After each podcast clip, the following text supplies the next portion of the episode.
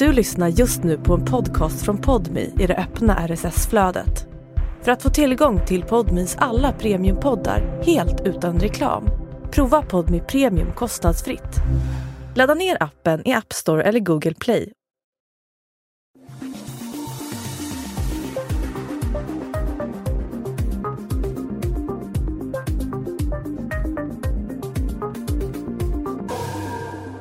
Den undre världen är större än många tror.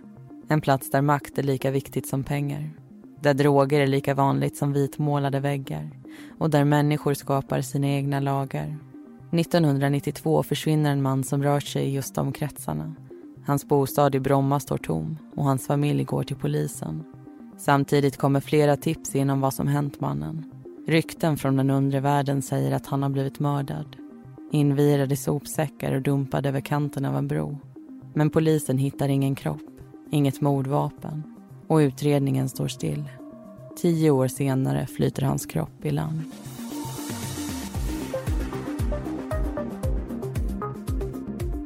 Du lyssnar på Mordpodden, en podcast om den mörka verkligheten. I veckans avsnitt ska du få höra berättelsen om dörrvaktsmordet.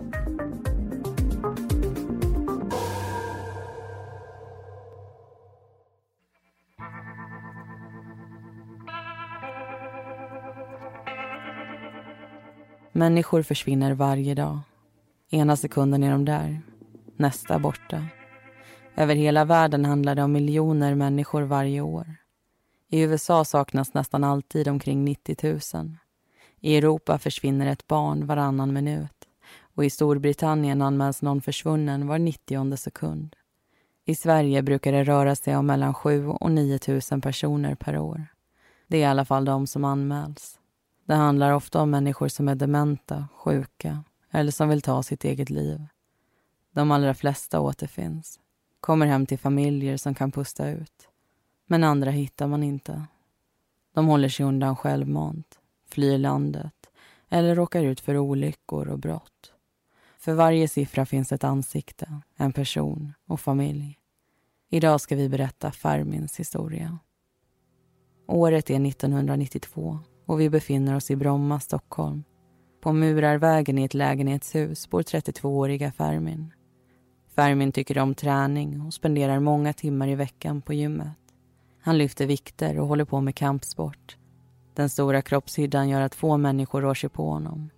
Man kan tro att det också skulle göra honom långsam, men Fermin är snabb. Hans fysiska egenskaper kommer till sin rätta då han arbetar som dörrvakt. Många har stor respekt för honom och det han gör. När han inte vaktar in passager kör han taxi och färdtjänst. Han rör sig också i Stockholms undre värld. I slutet av november dyker Fermin upp hos sin flickvän. Han har varit orolig den senaste tiden och känt sig förföljd. Paret planerar att resa bort, att lämna Sverige tillsammans. Flickvännen vet att Fermin har flera potentiella fiender. De har knackat på hennes dörr och frågat efter honom. På eftermiddagen den 1 december lämnar Fermin hennes bostad. Han har på sig en skinnjacka, jeans, svarta skor med snörning. Ena stunden är han där. Hon känner doften av honom och hör hans röst. Sen är hon ensam. Fermin kommer inte tillbaka den kvällen. Eller nästa. Flickvännen är säker på att han gjort det de pratat om. Rest iväg, fast utan henne. I åtta år kommer hon tänka så innan andra möjligheter smyger sig in i tankarna. Halvvägs in i december ringer Fermins hyresvärd till Fermins pappa. Han berättar att hyran inte blivit betald och det är inte alls likt Fermin. Samma dag beger sig Fermins familj till lägenheten på Murarvägen. Sist någon av dem såg honom var den 25 november. Han skjutsade sin mamma till apoteket och bad om ett lån på tusen kronor. Bilen han körde står nu parkerad ute på gatan. Den står slarvigt och Fermin är inte slarvig. På vindrutan sitter flera parkeringsböter. Dörren till lägenheten är låst, men ett fönster är öppet. Fermins syster lossar på en bit snöre som Fermin använt som hake då han vädrat. Hon klättrar in den vägen och ser sig om. Innanför dörren står en väska med rena träningskläder och på en strykbräda hänger ett par byxor. Ingenting är i oordning. Det ser ut som att Fermin skulle kunna dyka upp vilken sekund som helst. Men det gör han inte. På nyårsafton anmäler Fermins mamma honom försvunnen. Det varken hon eller utredarna vet är att tips redan har kommit in om fallet. Den 12 december ringer det på hemtelefonen hos en polis. Det är sent på kvällen när polisen svarar och får höra en röst som man känner igen. Rösten tillhör en man som har lämnat tips förut och som nu vill träffas. Polisen klär på sig, hoppar i ett par skor och kliver ut i vinterkylan. De möts upp på en förbestämd plats och X, som tipsaren kommer få heta i anteckningar, berättar om en man i drogbranschen som ska ha mördats och blivit sänkt i vatten. X ger polisen namnet på de inblandade, men han vet inte vem offret är. Polisen pratar de kommande dagarna med en kollega på våldsroten. Från och med nu kommer de båda vara involverade i tipsen från X. Den 21 december hör X av sig igen. Han berättar nu att den mördade mannen heter Fermin. Och Fermin ska ha dödats efter att en drogaffär gått fel och han skickats för att framföra hot. Den hotade mannen ska i sin tur vara 21-åriga Raoul. Raoul är visserligen inte gammal, men han har redan gjort ett namn för sig i drogbranschen och han gillar varken att bli blåst eller hotad. X berättar att Raoul är den som har dödat Fermin och att Raouls affärspartner Johan också varit närvarande. Efter mordet har bevisen röjts undan. Kroppen lindats in i någon typ av hönsnät och sen dumpats i en sjö utanför Enköping.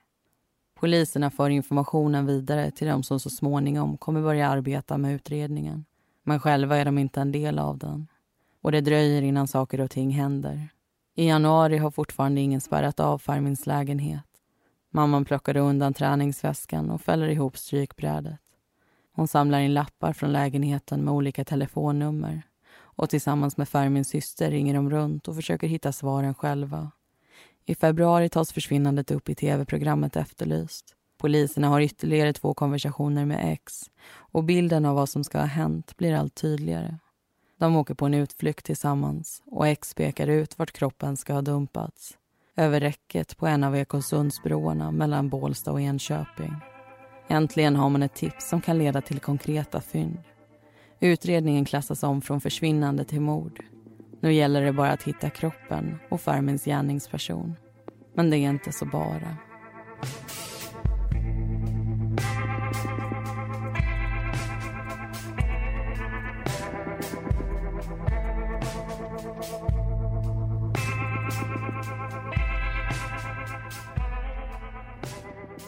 Då har vi hört början på det här fallet och det är alltså ett äldre mordfall vi tar upp och det påminner en hel del om vårt första poddavsnitt som vi döpte till Kampen mot klockan. Och det kommer faktiskt dyka upp fler likheter ju längre in vi kommer. Och det här avsnittet det bygger ju på väldigt mycket information. Mm, och det är inte alltid den mest tillförlitliga ska vi säga också. Så som vanligt så försöker vi vara noga med att redogöra vem som säger vad, vem som berättar vad, var den här informationen kommer ifrån, om det är rykten, om det är tips eller om det är från spaningsarbete och så vidare. Och vi har ju pratat lite om X i berättelsen och eh, det här är ju alltså polisens tipsare. Han lämnar fem stycken tips mellan den 12 december 1992 och eh, den 9 mars året därpå, alltså 1993. Och han är ju insatt i hela det här som har hänt genom att han känner de som är involverade i det. Men han har inte själv varit där och han har inte sett vad det är som har hänt utan han har fått det berättat för sig efteråt.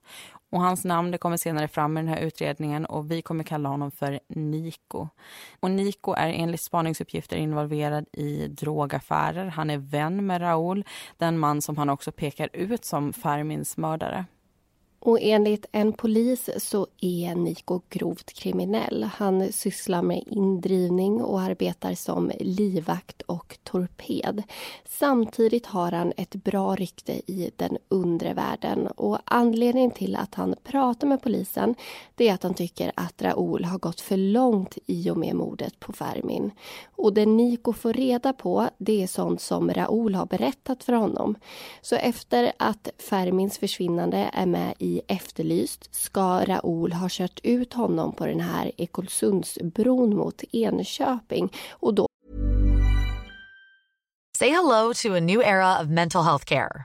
Cerebral is here to help you achieve your mental wellness goals with professional therapy and medication management support. 100% online. You'll experience the all new Cerebral way, an innovative approach to mental wellness designed around you. You'll get a personalized treatment plan from a therapist, prescriber, or both in a safe and judgment free space. Your Cerebral therapist or prescriber will outline a customized plan with clear milestones along the way so you can get to feeling your best. With Cerebral, you're not alone in your mental health journey. We're here to empower you to live a fulfilling life. So take that first step towards a brighter future and sign up today at cerebral.com slash podcast and use code ACasts to get 15% off your first month. Offer only valid on monthly plans. Other exclusions may apply. Offer ends July 31st, 2024. See site for details. också visat var kroppen dumpats. Och det här är information som Niko berättar för polisen och som också styrks genom spårning av deras telefoner. Och poliserna som tar emot de här tipsen från Niko, de tror ju på honom. Informationen han lämnar den är väldigt känslig. Nikos identitet, det vet ju bara de om, alltså inte de som arbetar med utredningen, mordutredningen gällande Farmen. Han är en av de få personer som känner till det här mordet, nämligen Niko, så de är väldigt försiktiga med hur det de får reda på används vidare. För skulle de misstänkta förstå att någon har pratat med polisen så skulle alla pilar peka mot just Niko och då är det ju hans liv som står på spel. Så man håller inga förhör med varken Raoul eller hans affärspartner Johan. Man fokuserar ju helt enkelt på att hitta bevisning först och sen använda den för att konfrontera de misstänkta som man får fram i det här fallet. Och en stor del av den här bevisningen det är ju helt enkelt kroppen som saknas. Och i mars gör man den första dykningen efter kroppen. Och Det är 10 centimeter is man går igenom, men det är isfritt i kanterna. Och Till sin hjälp har man en undervattensfarkost. Och man ser då en hel del byggmaterial på botten. Och Kabeln fastnar gång på gång i det här materialet och sikten är högst 10 centimeter. Det är alltså svåra förhållanden man har att göra med. Och man hittar inte heller någon kropp. I juni kör man nästa omgång. En liksakund markerar intill den tredje pelaren på ena bron och dykare hoppar i för att undersöka vad som finns under vattenytan vid den här pelaren för att se vad den här hunden markerade för. Men man har obefintlig sikt och känner sig då istället fram längs kedjor på botten och delar upp sökområdet i två rutor. Man hittar verktyg, balkar, spetsiga armeringsjärn men ingen kropp den här gången heller. Och I november gör man den sista dykningen för året. Det är då 15 dykare som hjälps åt. Ännu en gång hittar man ingen kropp och inte heller några fynd som man kan koppla till fallet. Så det, det blir ju ganska misslyckade försök får man ändå säga. Mm. Och de här två poliserna som är handläggare till Niko, de kämpar ju hårt för att den här utredningen ska fortsätta gå framåt trots att man inte hittar någonting. Och informationen från tipsen, de ger ju inget gehör hos utredningen eller de människor som arbetar med utredningen ska vi säga.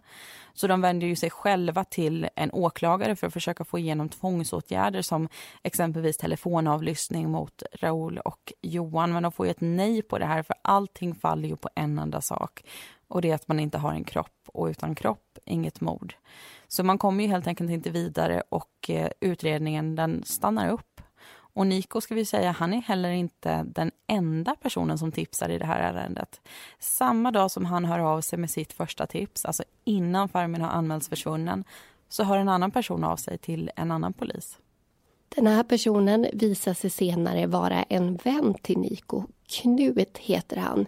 Och Det som berättas det är delvis samma information. Knut känner inte bara Niko utan också Raoul sedan några år tillbaka. Så han har en egen koppling till det här och han har också egna intryck eftersom han och Raoul har lite affärer tillsammans. Knut han berättar mer ingående om drogaffären där Raoul blev blåst och vad som hände efteråt. Hur Raoul försökte få igen sina pengar och hur Fermin ska ha hotat honom och hans familj vilket till slut fick bägaren att rinna över.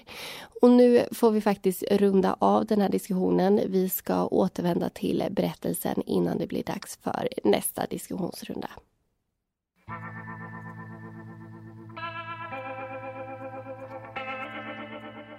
Den 8 maj 2002 stannar en pappa och dotter till vid en mack i närheten av Ekosundsbroarna.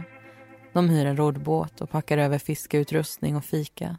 Årorna för dem ut från strandkanten när de kan se ett paket ligga inslaget i vad som ser ut att vara svarta sopsäckar. De fiskar i ungefär tre kvart innan det blir dags att njuta av fikat.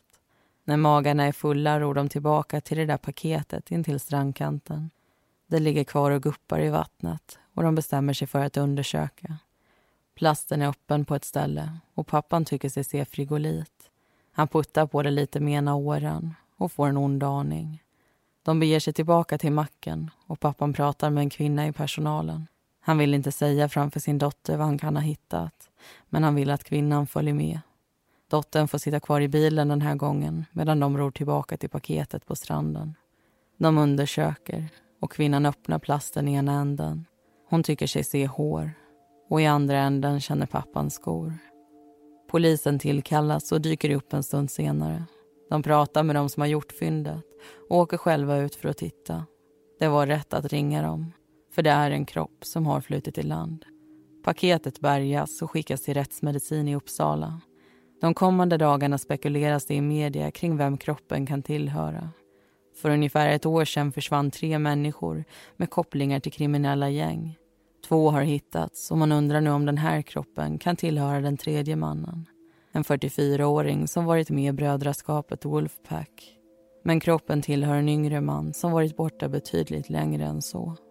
Fermin. På rättsläkarstationen plockas fyra till fem svarta sopsäckar bort. De har hållits samman av tejp som nu lossas. Kläder plockas undan. Bland annat en skinnjacka och svarta skor med snörning. Kroppen är relativt välbehållen men det är ändå inte helt enkelt att genomföra undersökningen. Man hittar flera vasskantade skador, troligtvis efter en kniv. På ena armen, i ryggslutet, på halsen och i nacken. Det har lett till en stor blodförlust som Fermin inte skulle ha överlevt utan sjukvård. Men man kan inte konstatera vad som är dödsorsaken. Man kan dock säga att Fermin antingen varit medvetslös eller hårt hållen när knivsticken träffat honom och personen som högg stod relativt stilla. Att kroppen har varit försvunnen så länge beror på ett sänke. Någonting hade använts för att tynga ner den och efter tio år hade det äntligen släppt. När kopplingen gjorts att kroppen tillhör den försvunna Fermin är det dags för utredningen att få en ny start. Den bevisning som saknats i tio år är nu funnen och det borde betyda att man kan gå vidare. Men det finns ett problem. En av poliserna som hanterat tipsen från Niko har gått i pension. Den andra har slutat som polis. Och den man som var spaningschef är på väg bort från sin post. Det pratas om att utredningen ska lämnas över till Västerortspolisen men det tycks inte hända. Istället blir den liggande. Inga nya förhör hålls. Inga undersökningar görs. Det enda som händer är att man hittar gamla anteckningar om tipsare X. En person som man nu förstår är Niko. Tipsen som lämnats av honom och hans vän Knut målar upp en historia av det som hänt. Lägger man ihop det med uppgifter från span så låter det så här. Under våren 1992 hade Raoul beställt in ett större parti droger. Det handlade om metamfetamin och en volym på över 30 kilo. Den speciella sammansättningen tydde på att drogerna inte kom från Europa utan snarare hade tagits in från USA. Flera får erbjudande om att köpa, bland annat Knut. Och snart berättar Raoul att det är mer på väg in. Den 31 mars inleds en spanings och avlyssningsoperation mot honom och flera i hans nätverk. Det ska senare leda till fängelsestraff för ett antal personer. Men inte för Raoul. Han varken åtalas eller döms. Spaningarna har dock lyckats fastställa att både han och affärspartnern Johan är delaktiga i narkotikahanteringen. Och det är en storskalig verksamhet. En person beskriver Raoul som vapenfixerad. Han är alltid beväpnad, sägs det. Ofta med flera knivar. Och trots hans involvering i drogbranschen så rör han aldrig drogerna själv. Det är han som styr. Affärspartnern Johan kör varor och pengar. I maj får Span reda på att ytterligare 70 kilo är på väg in i Sverige. Enligt tipsen är det efter att lasten har anlänt som allting går fel. Raoul skickar ut en kurir för att göra en affär med tre män. Men istället för ett utbyte av droger och pengar så får kuriren ett vapen riktat mot sig. Raoul har blivit blåst och han vill nu ha igen sina pengar samtidigt som han tänker visa exakt vad det är som händer med människor som går emot honom. Men innan Raoul hinner göra någonting så åker två av männen in på anstalt. De har precis dömts för utpressning och kommer inte kunna betala igen någonting den närmaste tiden. Den tredje mannen är dock kvar på utsidan och nu riktar Raoul all sin vrede mot honom. Mannen jagas rätt på och blir rejält misshandlad. Om det är Raoul själv som gör det eller någon han anlitat går dock vittnesmålen isär kring. Hur den ligger till så slutar det med en förödmjukad och skadad man som tvingas ingå i en betalningsplan med Raoul. När hösten kommer sitter de två männen fortfarande på anstalt. Men det... Head over to Hulu this March where our new shows and movies will keep you streaming all month long. Catch the acclaimed movie All of Us Strangers starring Paul Mescal and Andrew Scott. Stream the new Hulu original limited series We Were the Lucky Ones with Joey King and Logan Lerman. And don't forget about Grey's Anatomy. Every Grey's episode ever is now streaming on Hulu. So, what are you waiting for?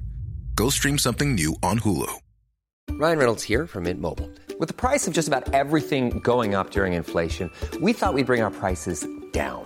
So to help us, we brought in a reverse auctioneer, which is apparently a thing. Mint Mobile unlimited premium wireless. Ready to get 30, 30, bit to get 30, bit to get 20, 20, 20, bit to get 20, 20, bit to get 15, 15, 15, 15 just 15 bucks a month. So, Give it a try at mintmobile.com/switch. slash $45 up front for 3 months plus taxes and fees. Promo rate for new customers for limited time. Unlimited more than 40 gigabytes per month slows. Full terms at mintmobile.com.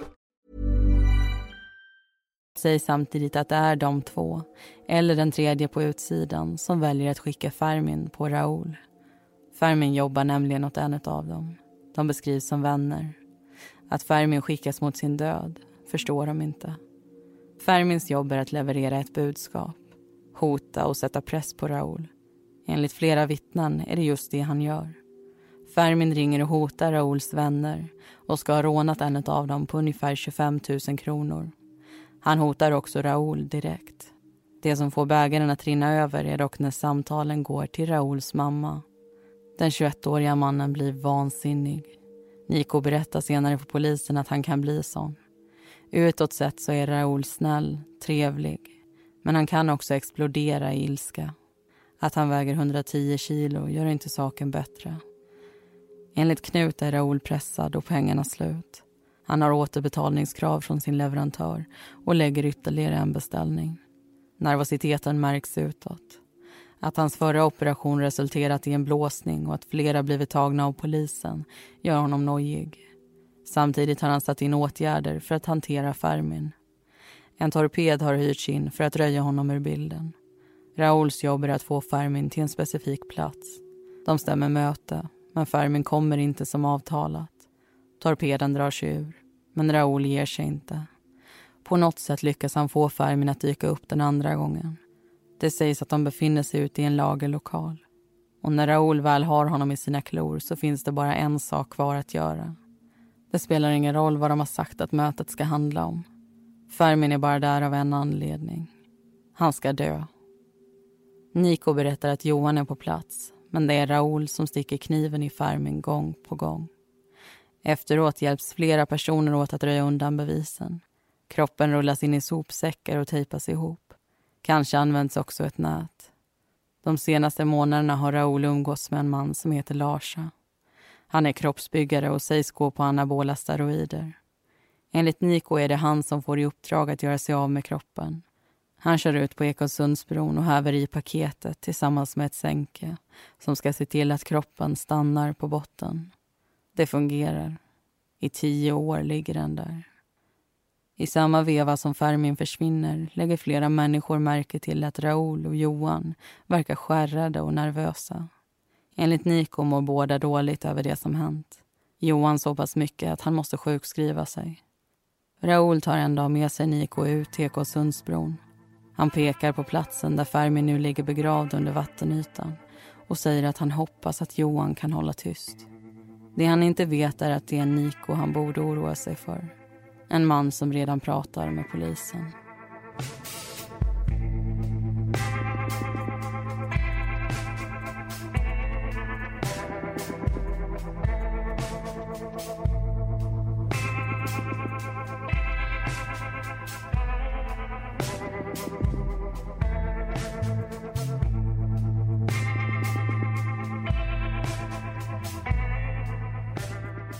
Där hörde vi alltså hur det här mordet skulle kunna ha gått till. Men det är mycket osäker information, det är tips och span man utgår ifrån. Och i tredje berättelsen kommer åklagaren få lägga fram en teori som tingsrätten sen får ta ställning till. Men först ska vi prata om försvinnanden och utredningen och vi börjar med det sistnämnda, alltså utredningen. Ja, alltså hela det här börjar ju som ett försvinnande, vilket inte riktigt är eh, så optimalt eftersom en mordutredning alltid får större resurser än vad ett försvinnande får. Och det kan man ju se i just det här fallet, för det tar ju någon månad innan man ändrar det här till en mordutredning. Och i och med att det går så lång tid innan man börjar också undersöka saker som till exempel spärrar av farmens lägenhet och prata med anhöriga och kartlägga hans liv så är det ju så att spår kan försvinna, misstänkta kan prata ihop sig. Eh, så det är ju inte en omöjlig utredning att eh, komma vidare i men det är ju absolut svårare än om den hade fått en annan start än vad den fick. Så man fastnar ju i det här lite längre fram. Man tycker att allting hänger på kroppen och man vill inte gå vidare i andra riktningar. Och man vill inte ens prata med de utpekade som alltså är Raoul och Johan. Och det är ju trots att Nico beskriver Johan som en bra person som de säkert skulle kunna prata med och få reda på sanningen igenom. Så utredningen den stannar upp, tio år hinner passera och sen sker ju nästa stora miss och det är att kroppen hittas, det de sa sig behöva för att gå vidare och ändå går det här inte vidare helt enkelt. Och hela det här fallet och eh, ja, men grejen med att man inte hittar kroppen, det påminner ju om ett annat fall vi tagit upp som vi döpte till Lugnet, eller vi döpte avsnittet till Lugnet. Där försvinner en kvinna spårlöst. Man tror ganska snart att det är en man hon haft en relation till som ligger bakom det. Men ingen kropp hittas alltså där heller. Polisen håller flera förhör, gör till exempel husrannsakan, tömmer brunnar, letar igenom terräng med både helikopter och med hundar, men de hittar inte kroppen. Åren går och de fortsätter leta. De dyker i sjöar, de letar igenom flera platser flera gånger och plockar in den misstänkta personen gång på gång. Och De ger sig alltså inte och till slut så hittar de också bevis. Men när det inte är tillräckligt så använder de sig av bevisprovokation för att komma vidare. Mm. Och det är så det ska se ut, alltså att man gör allting för att de anhöriga ska få sina svar och att de misstänkta också ska ställas inför rätta. Men så är det ju inte i det här fallet som vi pratar om idag. Alltså det läggs för lite krut, det läggs för lite energi på Fermins försvinnande känner jag. Och de vet ju tidigt att någonting har hänt, de söker efter honom men sen läggs allting bara ner. Och det här, jag skulle vilja säga rakt ut att det här är en dåligt skött utredning helt enkelt. Och det kan jag säga inte eftersom jag själv är en kunnig utredare utan för att vi har ju tagit del av så många välgjorda utredningar så vi känner skillnaden när man går igenom materialet. Och utan att avslöja för mycket så kan jag ju säga att jag undrar lite hur slutet på den här historien hade blivit om man hade agerat annorlunda. Hade man kunnat ge de anhöriga svar tio år tidigare om man hade gjort fler dykningar där 93? Hade Johan och Raoul sagt som det var om de hade tagits in till förhör då? Ja, det får vi ju inte svar på för så gick det helt enkelt inte till. Och innan vi går vidare med vad som hände så tänkte jag att vi ska prata om försvinnanden. Vi har pratat om det förut, om hur sökinsatserna går till till exempel och hur fruktansvärt många anhöriga beskriver just den här ovissheten. Och vissa personer förblir ju också tyvärr försvunna. 2018 så anmäldes 7100 personer försvunna i Sverige och efter två månader var 146 av dem fortfarande borta. Det är så många som kommer hem och kommer hem väldigt snabbt att de som förblir försvunna nästan glöms bort efter ett tag. Men deras familjer kan vi ju garantera, de kommer ju aldrig att glömma de här människorna. De saknar, de undrar, de oroar sig och det gör man ju faktiskt tills dess att man får ett avslut, vare sig det är på gott eller på ont i avslutet. Och jag kan faktiskt komma ihåg när jag var i USA sist och vi var inne i en butik och handlade mat och lite annat. Och eh, när vi stod och hade betalat och vi stod på andra sidan kassorna så möttes jag av en hel vägg fylld med ansikten.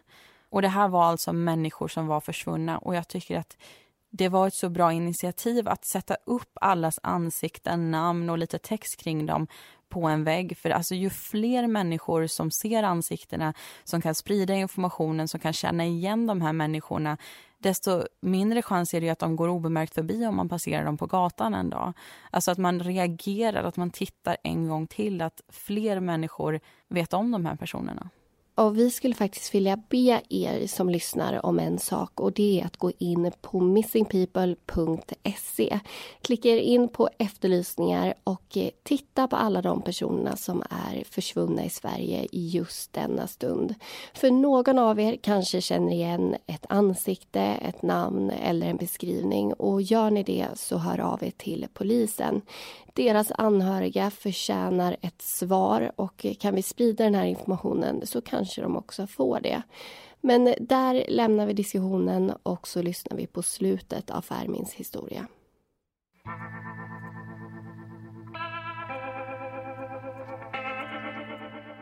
Hösten 2014 hände det som borde ha skett 12 år tidigare. Utredningen om Fermins mord drar igång. Det är Kalla fallgruppen i Stockholm som tar tag i det.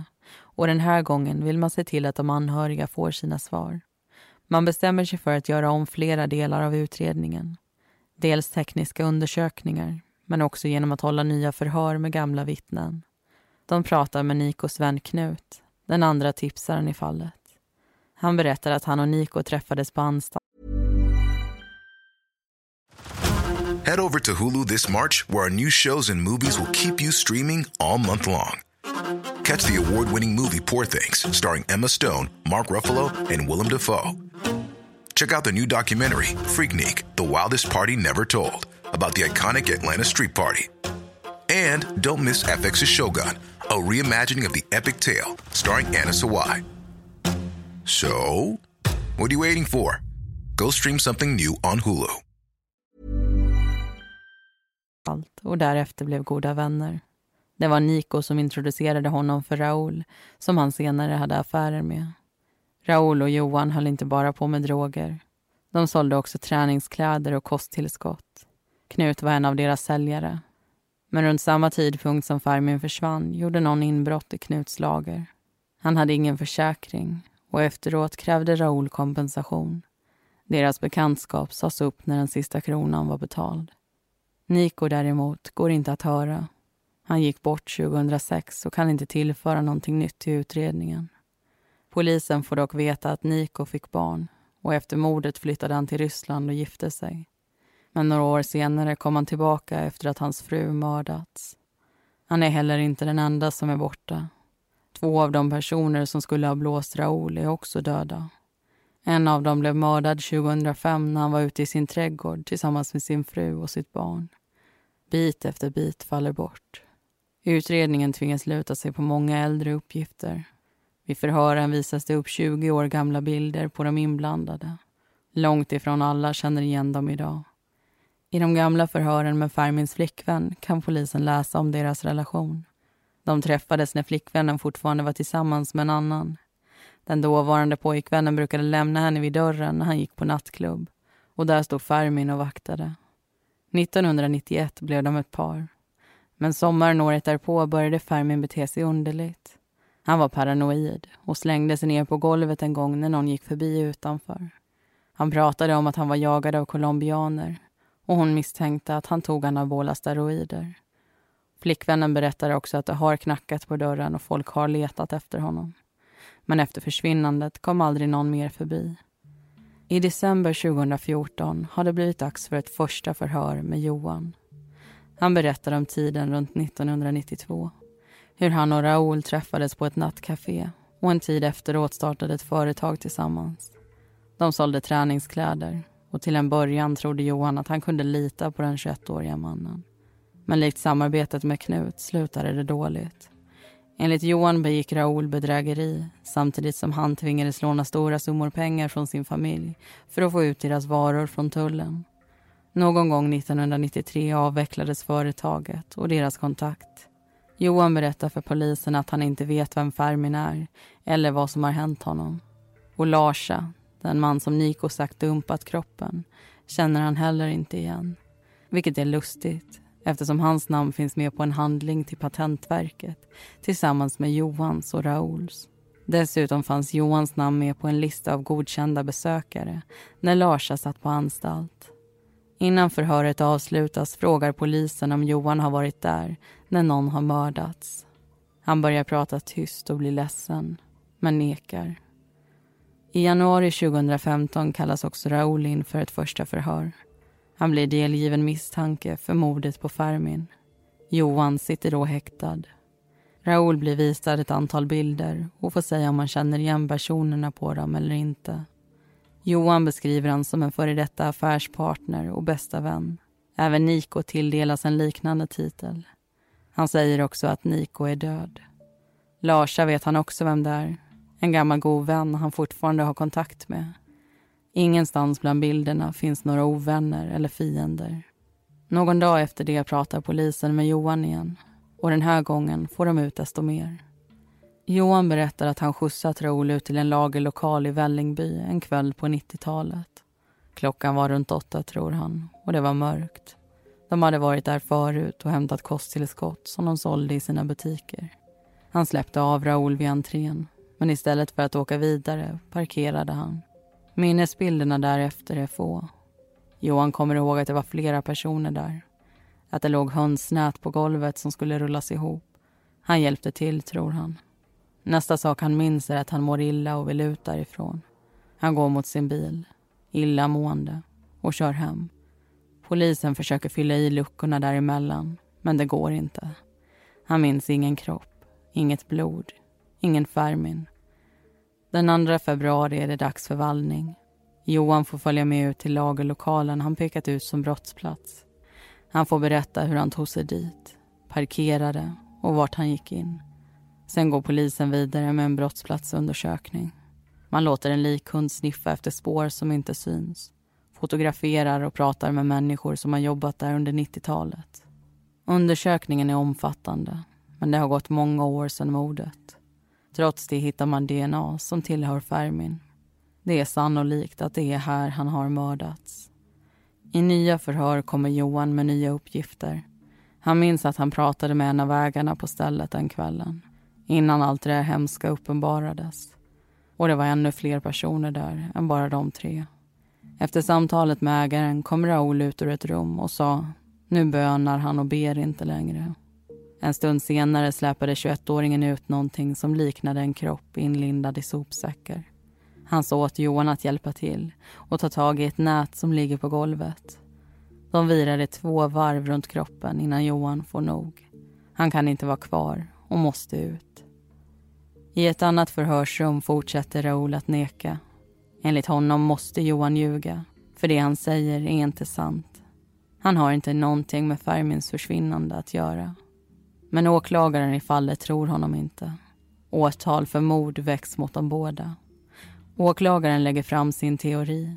Att mordet var en hämndaktion för hoten mot Raouls mamma. Att det var Raoul som högg Fermin till döds och att det skedde i lagerlokalen i Vällingby. Vittnesmål målar upp en bild av Raoul som snäll och trevlig men också explosiv och vansinnig. Johan i sin tur beskrivs som lättledd. Han hörde inte hemma i den undre världen och bland de människor som befann sig där. Tingsrätten når sitt beslut. De menar att det finns många saker som inte har kunnat fastställas. Att mordet begåtts i lagerlokalen i Vällingby är inte bevisat. Inte heller tidpunkten.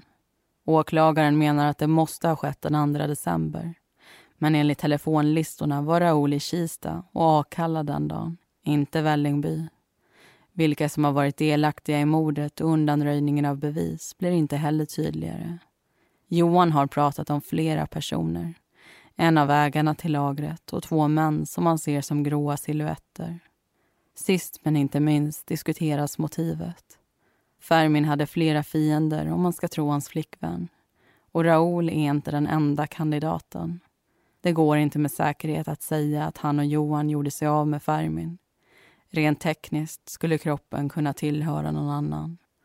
Polisutredningen i stort saknar robusthet, menar man.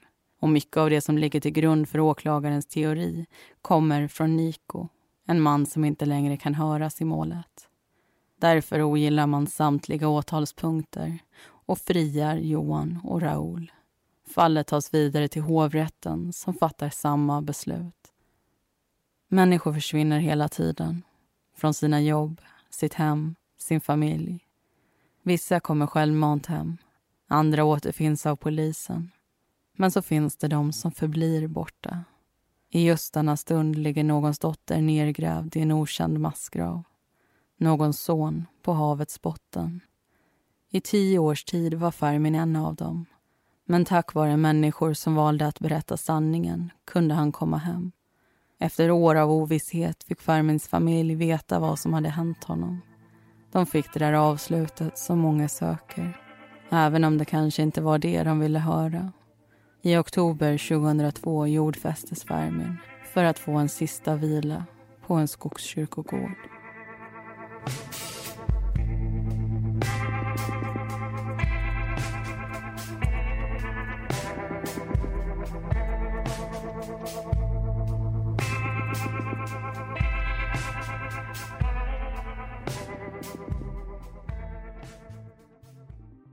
Tack så mycket för att du har lyssnat på dörrvaktsmordet.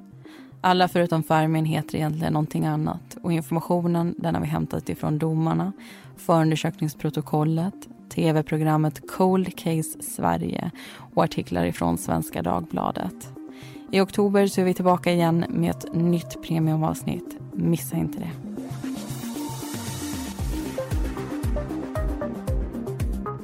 Vi som gör Mordpodden heter Linnea Bolin och Amanda Karlsson. Bakgrundsmusiken består av låtarna Lasting Hope, Lightless Dawn och Soaring av Kevin MacLeod samt Deep Space av Audionautics.